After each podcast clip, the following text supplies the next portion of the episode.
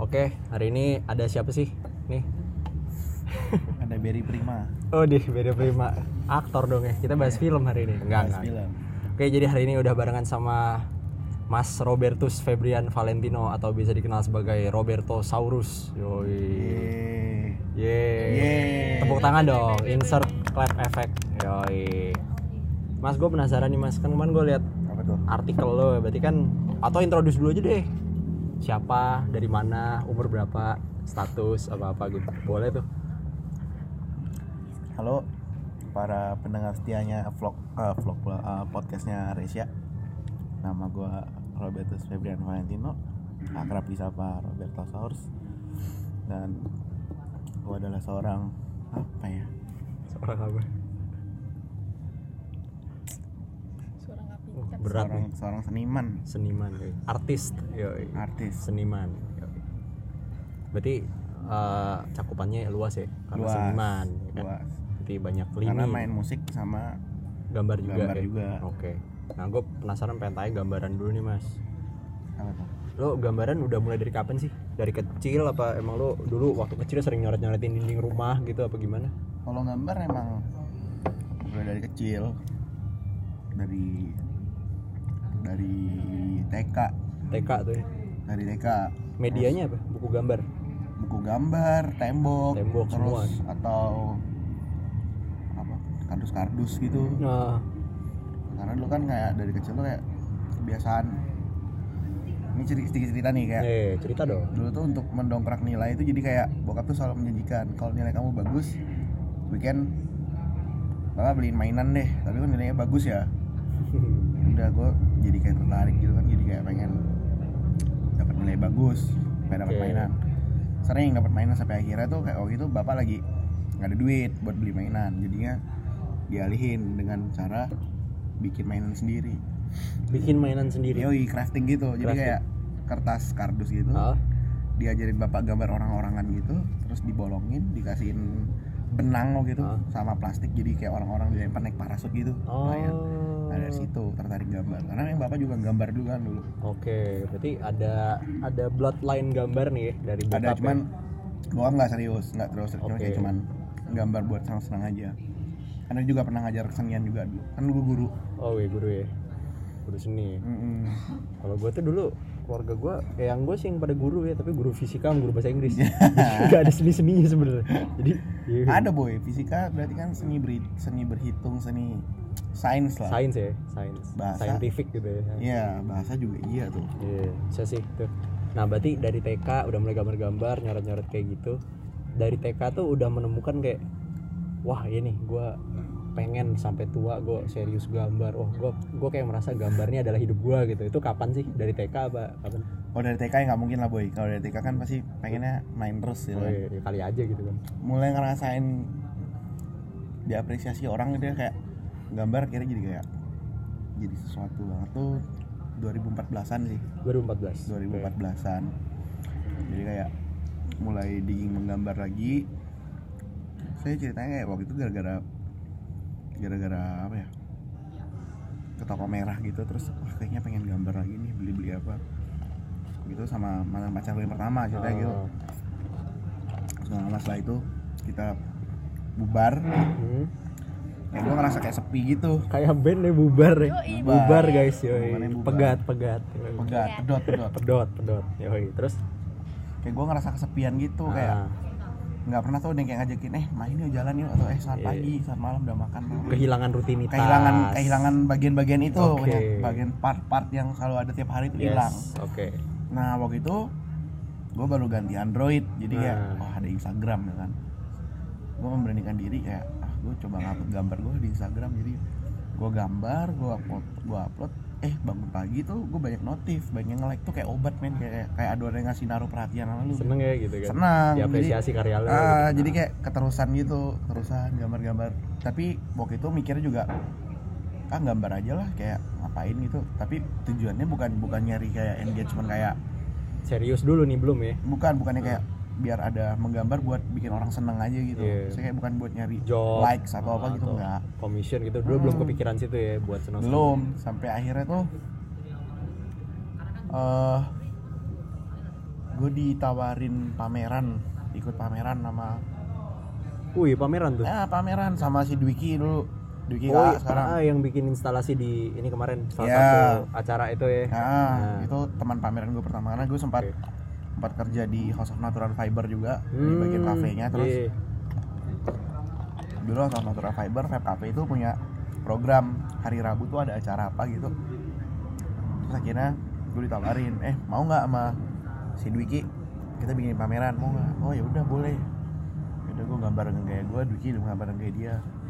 Akhirnya ketemu satu tema di situ. Ya udah kita ngomongin kondisi sekeliling aja dari situ pameran. Eh setelah itu diajakin lagi sama teman-teman dari isi Ada pameran lagi di radio radio buku apa ya namanya? Di belakang kampus isi Ah, oh iya gue pernah denger tuh tempatnya radio gue buku. pernah pameran Iya. di situ. Terus keterusan. Ya udah nyoba nyoba banyak banyak hal lah. Sampai akhirnya gabung di skandal.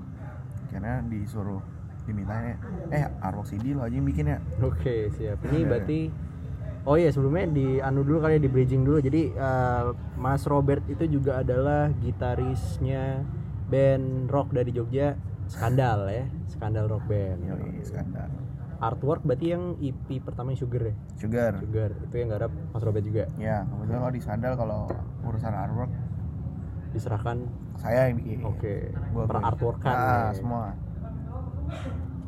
semuanya gue yang bikin merchandise poster apa gitu Oke, nah terus berarti kan tadi udah mulai-mulai apa ya? me- mendapatkan apa sih? Sebuah ilham untuk kembali serius menggambar itu 2014. Itu 2014. sebagai killing time nih karena habis pegat ya kan. iya iya Killing time gambar. Asik juga gue killing time kemarin ngapain main Mobile Legend gue kemarin killing time. Emang asik bener ya gambar ya. Tapi dari dari gambar-gambar lu tuh ada nggak sih eh, tokoh yang jadi referensi lu? Siapa em, visual artis atau misalnya kayak siapa Andy Warhol kayak apa siapa kayak gitu. Kalau gambaran lu tuh ada nggak yang lu in- terinfluence dari siapa gitu? gue dari SMA tuh dulu taunya gue senang sama Jean Michel Basquiat sih awalnya. Oke. Ya, awalnya ya gue tau mah Jean Michel Basquiat tuh zaman SMA tuh ngertinya clothing gue gue nggak tahu itu nama orang dan itu seniman. Jadi kayak ketika lagi ngarung nih ngawul ngawul gitu dapet nih apa nih bagus kalau misalkan. Oh itu dulu Gareth Sale gitu ya zaman dulu ya? iya Nah, awul-awul gitu kayak. Awul-awul. Jean Michel Basquiat siapa ya?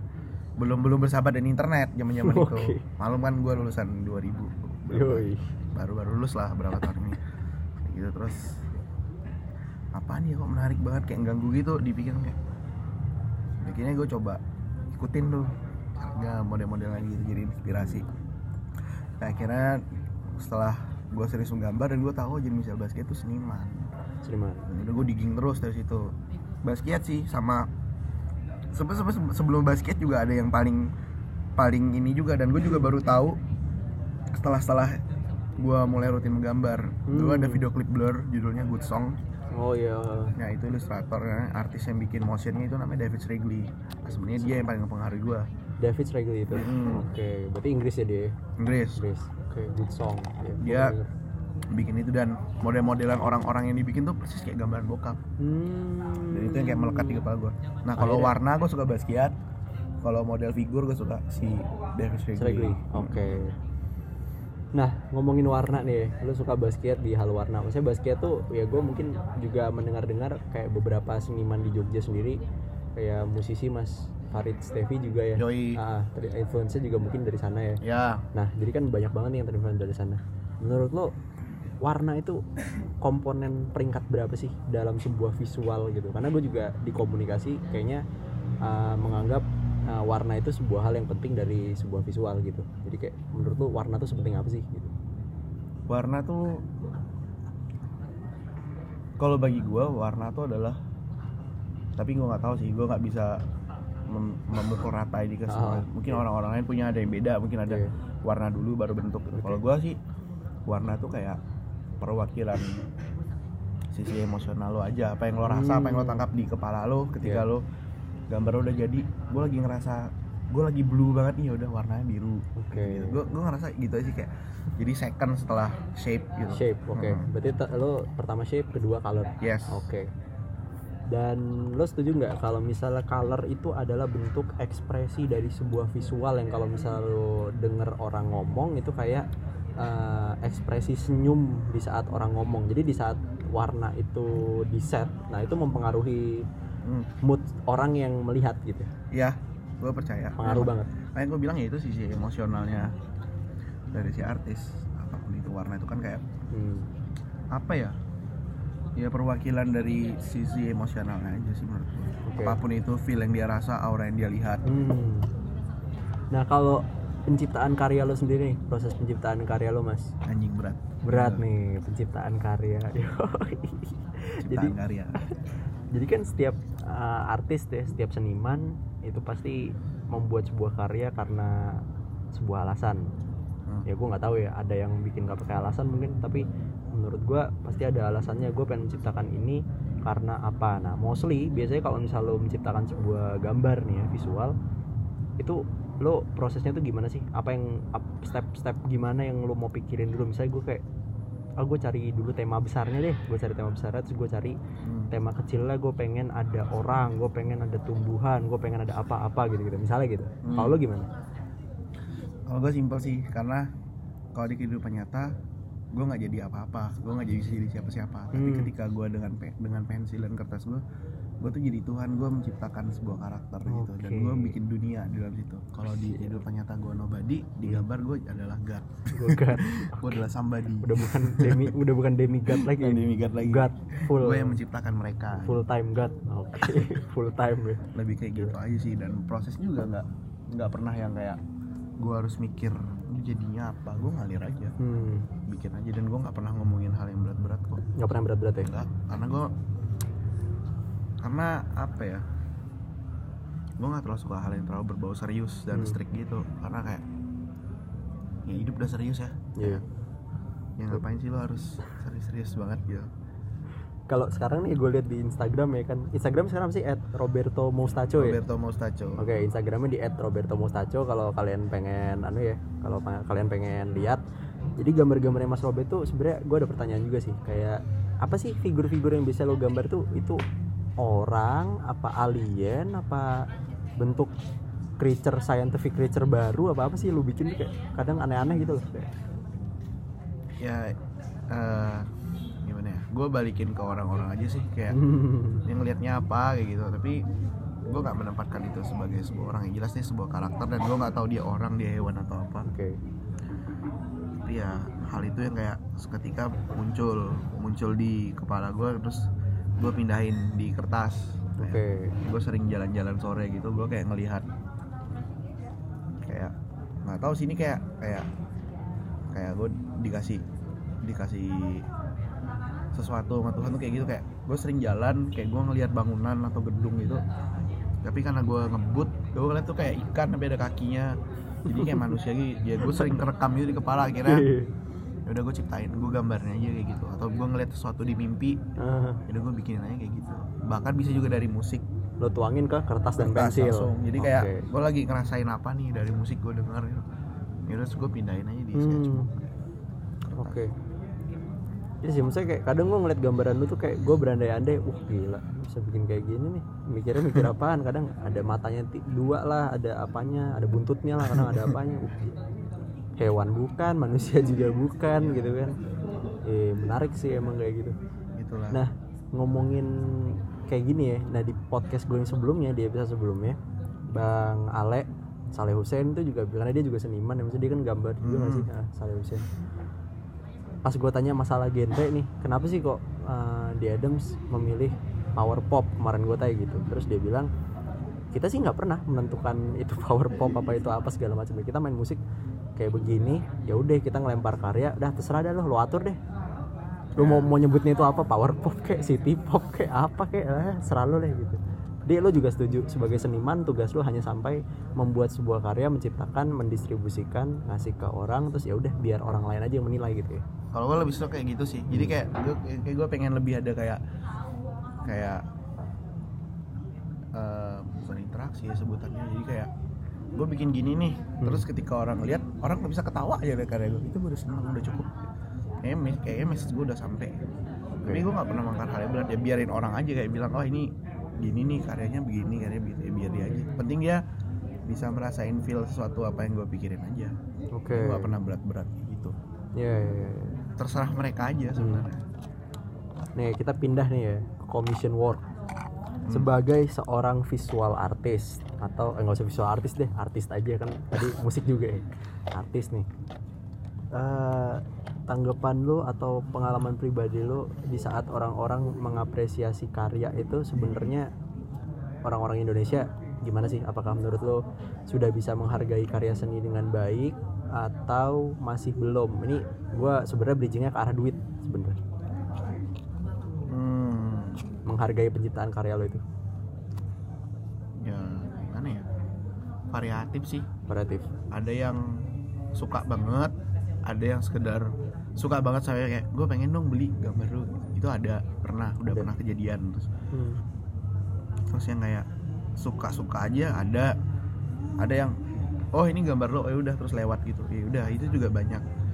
Ya mungkin mungkin mereka suka cuman mungkin gambar gue mungkin kayak biasanya orang kayak punya mindset wah ini pasti mahal nih kayak gini. Hmm. Baru gue ya gue malah seneng aja kalau kayak orang seneng gambar gue terus dia nggak perlu ngerti-ngerti banget tapi dia pengen buat nyimpanin dan nggak nggak punya karya gue ya mau beli ya serah aja lo mau beli berapa gue nggak nggak nggak bukan berarti apa ya ya terserah lo aja lo kalau suka lo beli aja. Dan menurut gue mereka cukup ini kok cukup cukup apresiatif dan cukup menghargain karya itu kalau untuk di Indonesia urusannya Indonesia sendiri yang luas itu gue nggak tahu sih. Tahu itu ya. kayak kolektor-kolektor gitu ada. Dan memang jarang kayak anak-anak anak-anak seusia gue atau sepantaran lo atau anak muda di luar sana yang kayak berkeinginan untuk membeli sebuah karya seni yang utuh gitu. Dengan Ini harga yang sih. harga yang tinggi Ya, gitu. ya karena mungkin sih.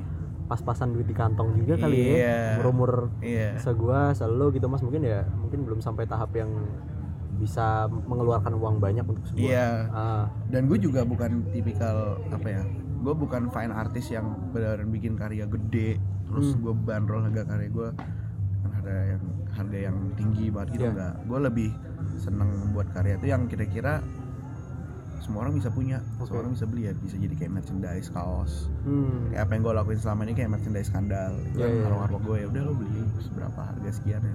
Penting lo punya karya gue cukup Oke. apresiatif kok kalau menurut gue tergantung pengemasan lo nya pengemasan oke.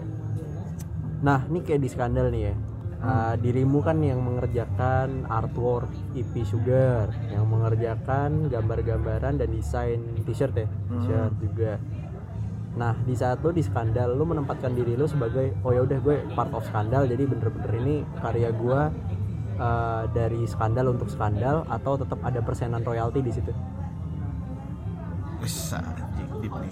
deep nih, Ah. dalam sebuah band nih lu akan Ya. tetap lu akan tetap apa profesional sebagai seniman sebagai Ah. yang menggambar atau lu kayak oh ya udah ini kan gue juga part of skandal jadi ya udah ini buat skandal aja gitu gue nggak hitung hitungan Oh enggak, kalau kalau anak-anak tetap tetap menghargain karena gue kerjanya di situ dan gue hidup dari situ kan. Ah, Honestly gue hidup tuh dari musik sama gambar aja kayak gitu. Jadi kayak ketika kayak gitu anak-anak tetap eh, tetap ada Persenannya lah ya. Pasti tetap ada pasti ada oke sebagaimanapun itu. Karena Iya, itu udah iya. memang udah wilayahnya gue dan anak-anak juga apresiatif. Tapi gue sangat sangat terbuka juga kalau tiba-tiba eh kayaknya eh di sini kita pengennya collab sama artis ya udah gue nyariin gitu. hmm Selalu.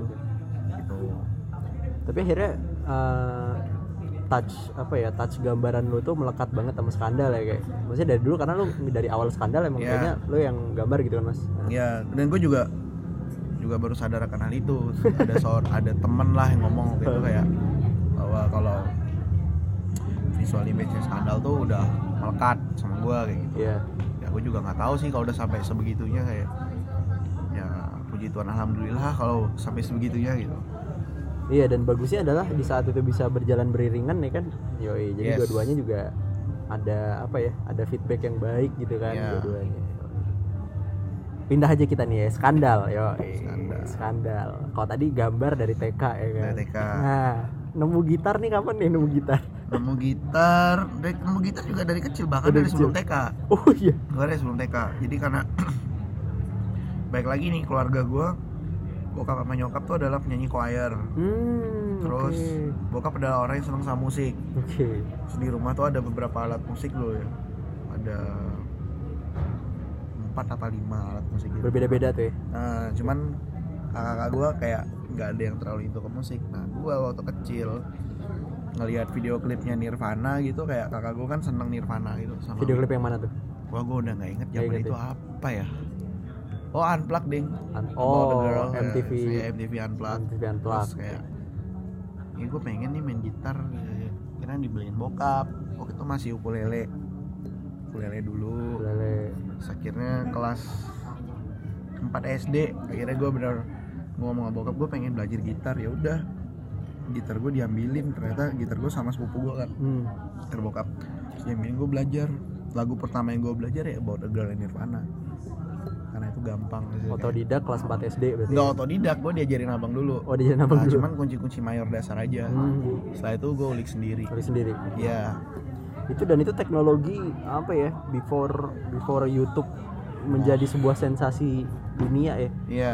Kalau dulu tuh gue liat kayak banyak nih yang beli ini beli buku-buku di toko buku gitu, Iya. buku-buku chord buku Iya, gitu gue dulu ada majalah tuh. Nah. Terus tahun 2000 berapa ya itu ya? 2004 apa 2005 ya ada majalah namanya Melodian Gitar Hmm. kalau sempat tahu dulu ada namanya MNG gitu. MNG dia pernah bikin tribute series buat Nirvana. Jadi satu Oke. edisi itu tentang Nirvana semua. Beserta chord dan liriknya beserta ya? chord dan lirik dan poster. Gue oh, ingat banget tuh. siap. dan itu gue nggak dapat waktu edisi cetak awalnya tuh gue nggak dapat udah sold out gitu di toko buku. Hah? akhirnya toko majalah gitu. Akhirnya teman gue punya nih. Teman gue beli. Tapi dia suka Nirvana juga dan orangnya cukup ya cukup urusan dengan uang banget lah kalau lo bayar mahal gue gue lepas nih. Akhirnya waktu itu gue udah habis menang porseni kan Oh. vokal grup gue ingat banget gue main gitar sama teman-teman sekolah. Akhirnya uangnya gue sisihin 50 ribu gue beliin tuh majalah dari dia. MNG zaman itu gue beli nih gue beli deh 50 ribu lepas ya. Ya udah dilepas kira gue punya. Gue punya dari situ. Udah gue dapat nih gue baca baca Tapi ber- berarti tapi itu di asalnya Mas Robert dari Kalimantan Barat? Kalimantan Barat. Oke, Pontianak ya? Lebih tepatnya di Sanggau kabupatennya. Sanggau oke. Kota kabupaten itu sekitar sekarang udah tiga setengah jam sih kalau dari Pontianak. Kalau zaman dulu Hmm. tuh bisa 5 sampai 8 jam dari Pontianak jalan darat. Jalan darat ya? Oke. Dan akhirnya dirimu kuliah di Jogja gitu kan? Nah, itulah awal pertemuan dengan skandal gitu. awal pertemuan dengan skandal. Hmm. ya benar. 2014 ketemu skandal. 2014 tapi skandal sendiri dari 2011 ya? Dari tahun berapa sih? 2011. 2011 kan ya? 2011 aku saya ada lihat poster di bawah itu yang dia sama Brilliant at Breakfast Oh, kelelawar iya. malam skandal itu kan 2011 tuh. Iya. nah gitu. Itu form awal.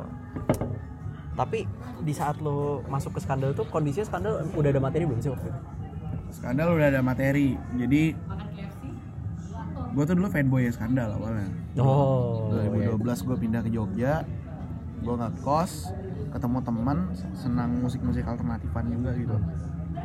Dia tahu gue selera musik gue terus dia nyeletuk gitu eh lo suka Weezer Pavement Nirvana dan segala macam kan ada nih band Jogja yang rada-rada kayak gitu. Oh iya boleh. Apa dia namanya? Namanya oh itu yang kenalin gue namanya Derry. Dia Hmm. punya band namanya Lazy Room satu kos sama gue hmm.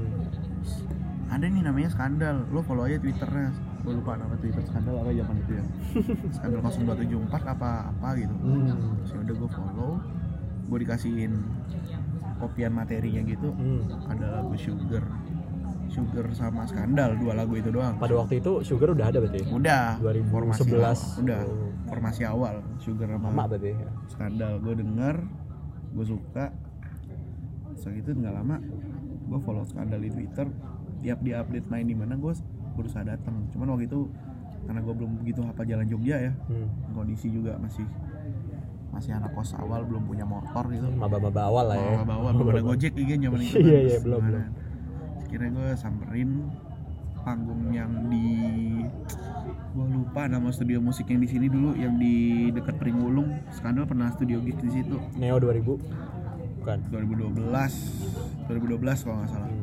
Tapi gue telat terus akhirnya mereka main lagi di Slackers Hmm. itu karena deket kosan gue gue samperin gue nonton dan gue kenalan sama Aga Sida Anom Jampes Reza udah cabut waktu itu udah pulang maksudnya gitu Hmm. dan waktu itu juga farewellnya si Jampes Hmm. Jampes oke. harus pindah ke Makassar sama istrinya meneruskan bisnis dari orang tuanya terus akhirnya ya udah kenalan sama Aga di situ nonton skandal pertama Berarti dari semua member lo yang paling muda berarti ya? Member Paling muda gua. member tetap paling paling muda yang Paling masuk muda paling gua. terakhir berarti lu. ya? iya gue Oh, paling iya. terakhir formasi udah formasi ke tiga Masih ketiga. formasi Oke. ketiga Iya iya. iya.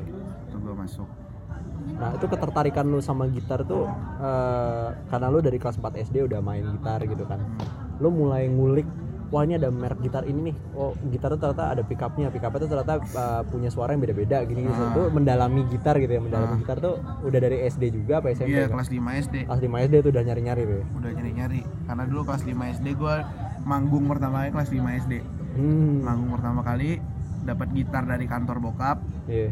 waktu itu vendor Meksiko gitu Stratocaster Oh iya. iya Oh, gila. tapi nah di situ gue mulai mengerti ada yang namanya pickup ada yang namanya tremolo bridge, dan Bridge, segala hmm. macam gue tahu di situ tuh gue dapet itu terus ternyata pickup gue bermasalah waktu itu dan harga pickup tuh ternyata mahal gue sempat nanya abang-abangan lah di tempat gue ada abang-abangan yang emang jago main gitar banget.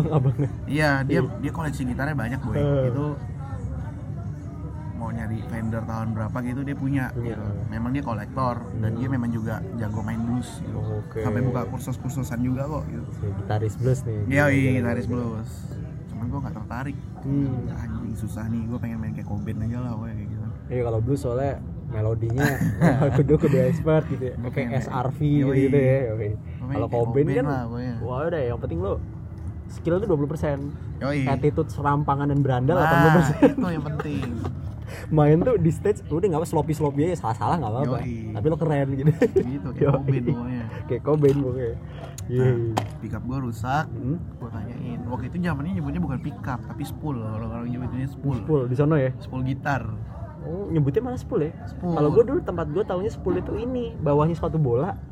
Itu spool. Nah itu gue taunya spool tuh bawahnya sepatu bola yang tajam-tajamnya itu mah yang Yoi. apa? Gerigi-gerigi itu loh. Gerigi sepatu bola atau spool spool dulu tuh terus sama tanyain lu mau main musik apa itu emang band kayak ini nih Nirvana sama si Weezer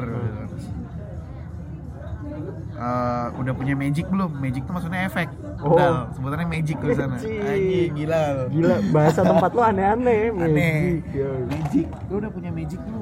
Belum punya nih, Bang. Lalu harus punya Magic biar bisa bikin suara kayak Kurt Cobain gitu. Hmm. Berapa bang kalau Magic?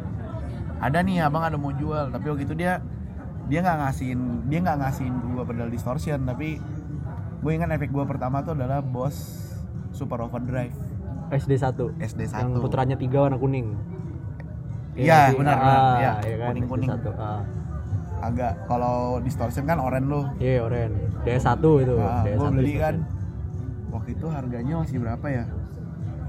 Cing gue nggak inget lagi. tapi dia jual murah apa jual mahal sama lo kan lo anak SD waktu itu Gue nggak tahu. oh lo nggak Ya, tahu pokoknya transaksi bokap ya udah. nggak tahu deh negosiasi. oh ya mungkin harga standar karena sama Ah, bokap lo ya Nah, bokap lah udah. Makanya kalau gue ngelogikan lo masih SD gitu kan kalau duitnya mahal lumayan juga nggak mungkin lo beli sendiri gitu kan Gue nggak ingat. si SD ya Pokoknya gue dapatnya itulah. nah, Sudah, udah punya. Ini gue latihan nih. Panggung pertama Boss Smash Like Spirit gitu. Satu lagu doang, panggung satu lagu doang. Band paling bocah ditaruhnya di tengah-tengah mainnya gila loh sama band-band tua-tua yang lain. Ada yang bawa Iron Maiden lah, zaman-zaman itu. Waduh, terus ada yang bawa ya. apa sih? Megadeth terus segala macam. Ya, abang-abang zaman-zaman itulah Iya. paling-paling slang atau apa gitu kan. sebenernya nggak zaman itu juga sih kayak kayak gue pun mengalami zaman itu di saat kalau gue sih melihatnya dari sudut pandang pribadi gue di umur umur segitu tuh zaman gue SMP kalau anak laki nggak main musik keras itu nggak laki. Yoi. gitu. Jadi kayak gue zaman SMP gue inget dulu punya band mainnya Burger Kill BMTH 2013 tuh BMTH iya. lagi naik tuh BMTH Pierce the Veil yang gitu-gitu. Paramore Green Day itu minimal lah. Itu standar minimal tuh Paramore Green Day. Habis itu lo main musik kayak gitu terus lanjut terus sampai sekarang gitu ya? Sampai sekarang. Sampai sekarang. Tapi gue sempat berhenti juga. hmm. sempat berhenti main musik juga sekitar wah lumayan lama tuh 3 sampai 4 tahunan ada itu nggak berhenti itu berhenti secara profesional atau berhenti bener-bener lu nggak megang alat musik atau instrumen anjing kalau berbicara all. profesional zaman itu kayaknya belum mikir ya kayaknya kayak memang nggak main musik aja at all memang ya masih masih remaja lah kayak masih pengen nyoba-nyoba yang lain hmm, pencarian jati diri lah Iya, kan. Oke.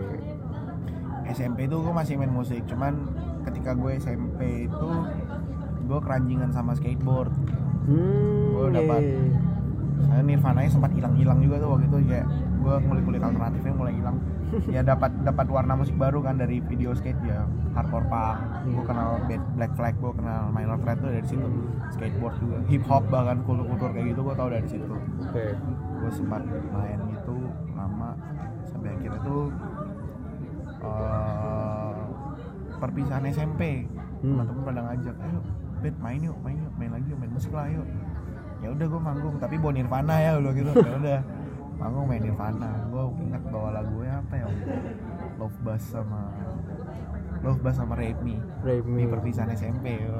perpisahan SMP lo nyanyi Rap Me? Rape berarti itu depan guru-guru lo lo nyanyi Rap Me? Guru bahasa Inggris gue geleng-geleng gila. Guru bahasa Inggris gue geleng-geleng liat gue kelakuan. Iya itu kan liriknya cuman Rape Me dari awal sampai habis kan ya cuman Rape Me terus ada Rape bagian-bagian lain lah gitu tapi itu kan lagunya oh ya I'm not the only Iya, one. itu, itu doang yang beda gitu. kan? Nah, ya dia gila berani juga perpisahan ini mainnya Nirvana karena gue gak bisa main yang lain. Dan gue pernah pernah diceng-cengin sama abang-abang di gang gue kayak ya lu bisa main gitar kan? Gitu. Main slang dong. Gue gak bisa main slang. Gue gak mendengarkan slang. Di beneran di zaman itu band Indonesia yang band Indonesia yang benar-benar gue suka dan gue dengar ada Silon Seven doang. Oke. Terus Dewa Padi gitu ya gue denger tapi kayak ah enggak gak asik gak keren gue zaman zaman itu kayak gue mikirnya gitu aja hmm. Silon Seven doang ya gue denger Ceylon Seven. Nah ini menarik nih. Akhirnya beberapa materi skandal itu juga influence juga dari Sheila. uh, gue nggak bisa bilang itu sebagai terinfluence dari Sheila banget cuman gue menarik gue menarik benang merahnya aja kayak karena kayak kayak ketika gue diserahin kayak bet lo kalau ada materi boleh lo kasih Hmm, ya udah kayak kayak gue tuh selalu menarik sesuatu mengingat-ingat sesuatu membuat sesuatu tuh kayak berkaitan dengan childhood gue kayak Iya, oke. Silon Seven, Nirvana, Weezer tuh kayak hal yang melekat sama gue gitu. Jadi kayak Hmm.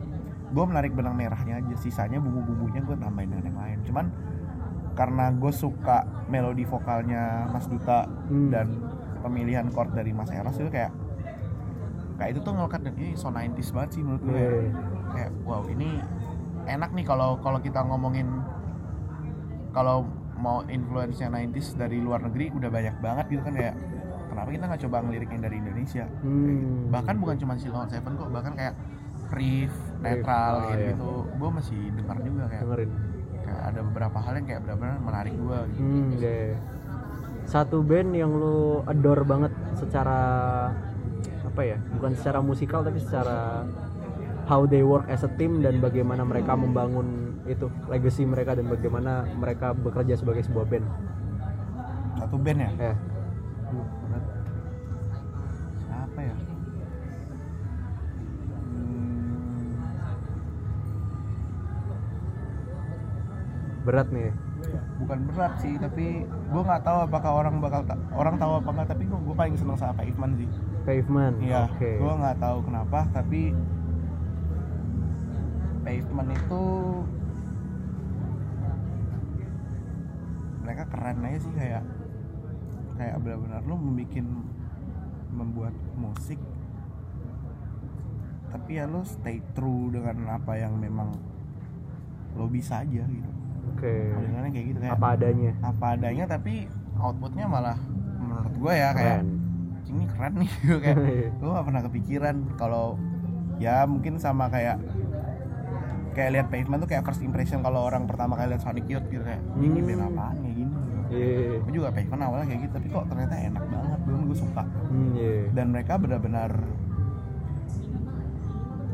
work as unit juga ya oke terus uh, membangun legasinya tapi jadinya malah kalangan-kalangan yang benar-benar underrated banget gitu. Iya, Nggak kalau- semua orang tahu tapi kayak mungkin gue nggak nggak bisa bilang nggak semua orang tahu pavement Hmm. tapi mereka benar-benar gimana ya? Low key banget gitu. Oke low key banget ya gitu.